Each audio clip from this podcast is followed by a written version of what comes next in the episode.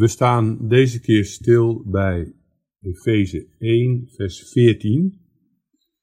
En we komen met het bestuderen van dit vers eigenlijk aan het slot van het eerste gedeelte in de brief aan de gemeente van Efeze. Paulus heeft de gemeente gegroet, hij heeft ze bekendgemaakt. En in vers 3 begint hij in het Grieks eigenlijk met één lange zin. En die zin eindigt dan in vers 14. We lezen in Efeze 1, vers 14 het volgende. Die het onderpand is van onze erfenis, tot de verkregen verlossing, tot prijs zijner heerlijkheid.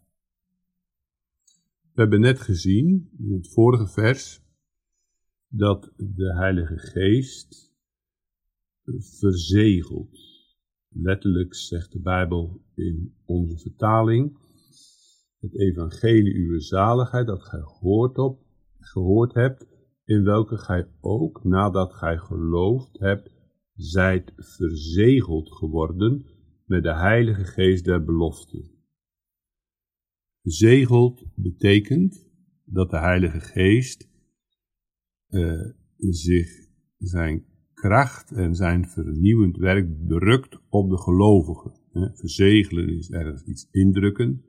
En zo drukt de Heilige Geest dat die vernieuwing als het ware in de gelovigen. Verzegeling. Dat u dat helder begrijpt wat dat is.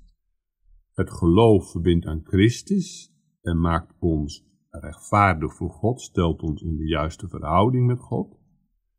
En in de tweede plaats, Gods geest verzegelt, vernieuwt, drukt zijn beeld op de gelovige en vernieuwt hem.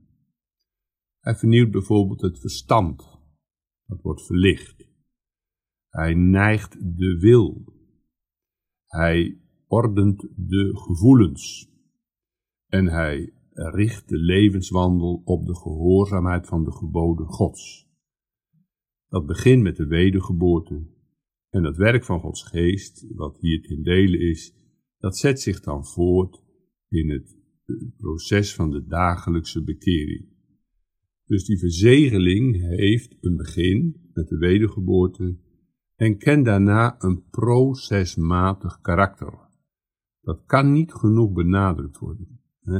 Dat het werk van de Heilige Geest en het verzegelende werk van de Heilige Geest een geleidelijk en een procesmatig karakter is, dat hier op deze aarde nooit volkomen wordt. Het is ten dele. Want we struikelen al ook weer in vele, maar dat we dat helder hebben.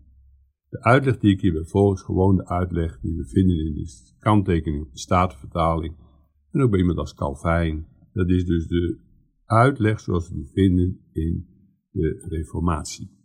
Er zijn ook wel andere uitleggingen, maar we houden ons in deze Bijbelstudies vooral bezig met de klassieke opvattingen, de gereformeerde opvattingen, zoals we die vinden in onze beleidenis en in de kanttekening op de Staatvertaling en in andere betrouwbare commentaren.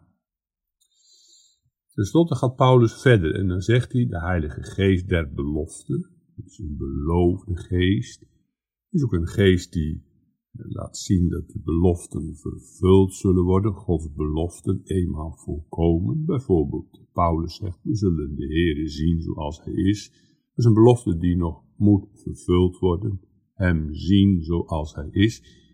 De Heilige Geest is daarom de geest der belofte, omdat Hij de beloofde geest is, maar ook omdat Hij de geest is die ons erop wijst dat de beloften zullen vervuld worden. Onze kanttekenaar zegt, waardoor de beloften Gods in ons worden verzekerd. dat het dus waar is. Dat kunt u vinden in kanttekening 47.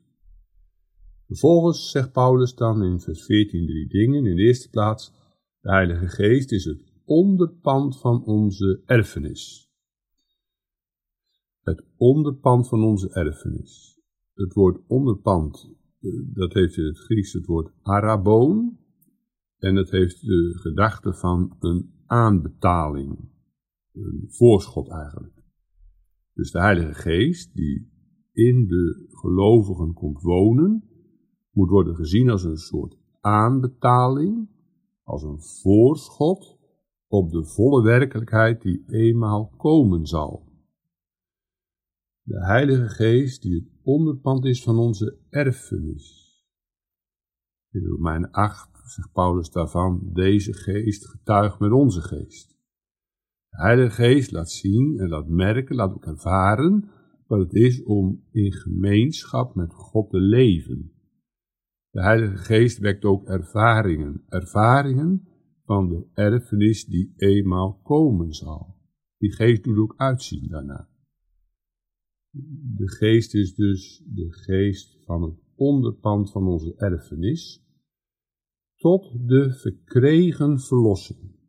De verlossing, daar hebben we aan het begin van dit hoofdstuk al iets over gelezen, namelijk de verlossing die in Christus is, vers 6, in welke wij de, hebben de verlossing door zijn bloed.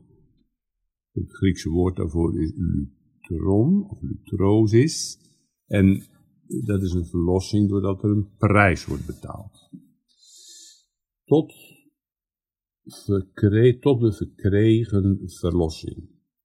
De verlossing, die dus eenmaal volledig zal zijn, hier op aarde beginsel, ten dele, zal eenmaal volledig zijn. Daarvan is de Heilige Geest een onderpand, een voorschot eigenlijk.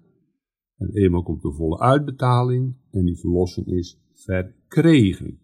dus we zeggen de verkregen betrekken we op de verlossing.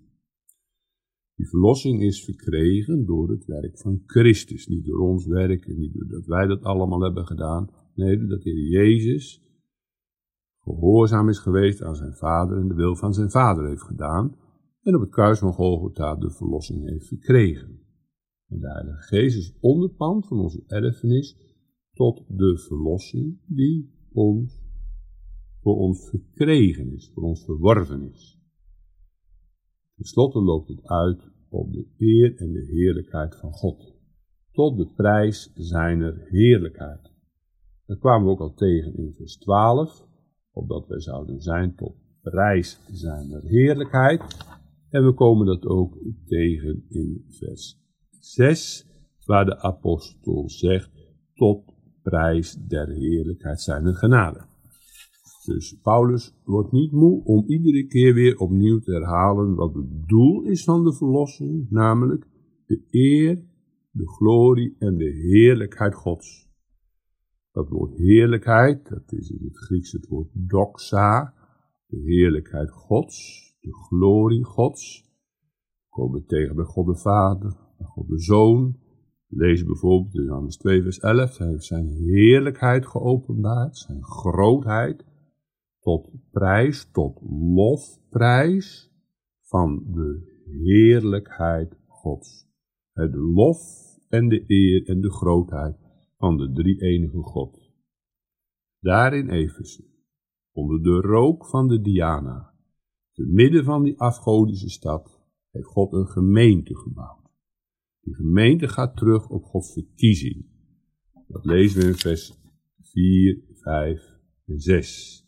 Die gemeente is verlost door het heilswerk van Christus. Dat lezen we in vers 7, 8, 9, 10, 11 en 12.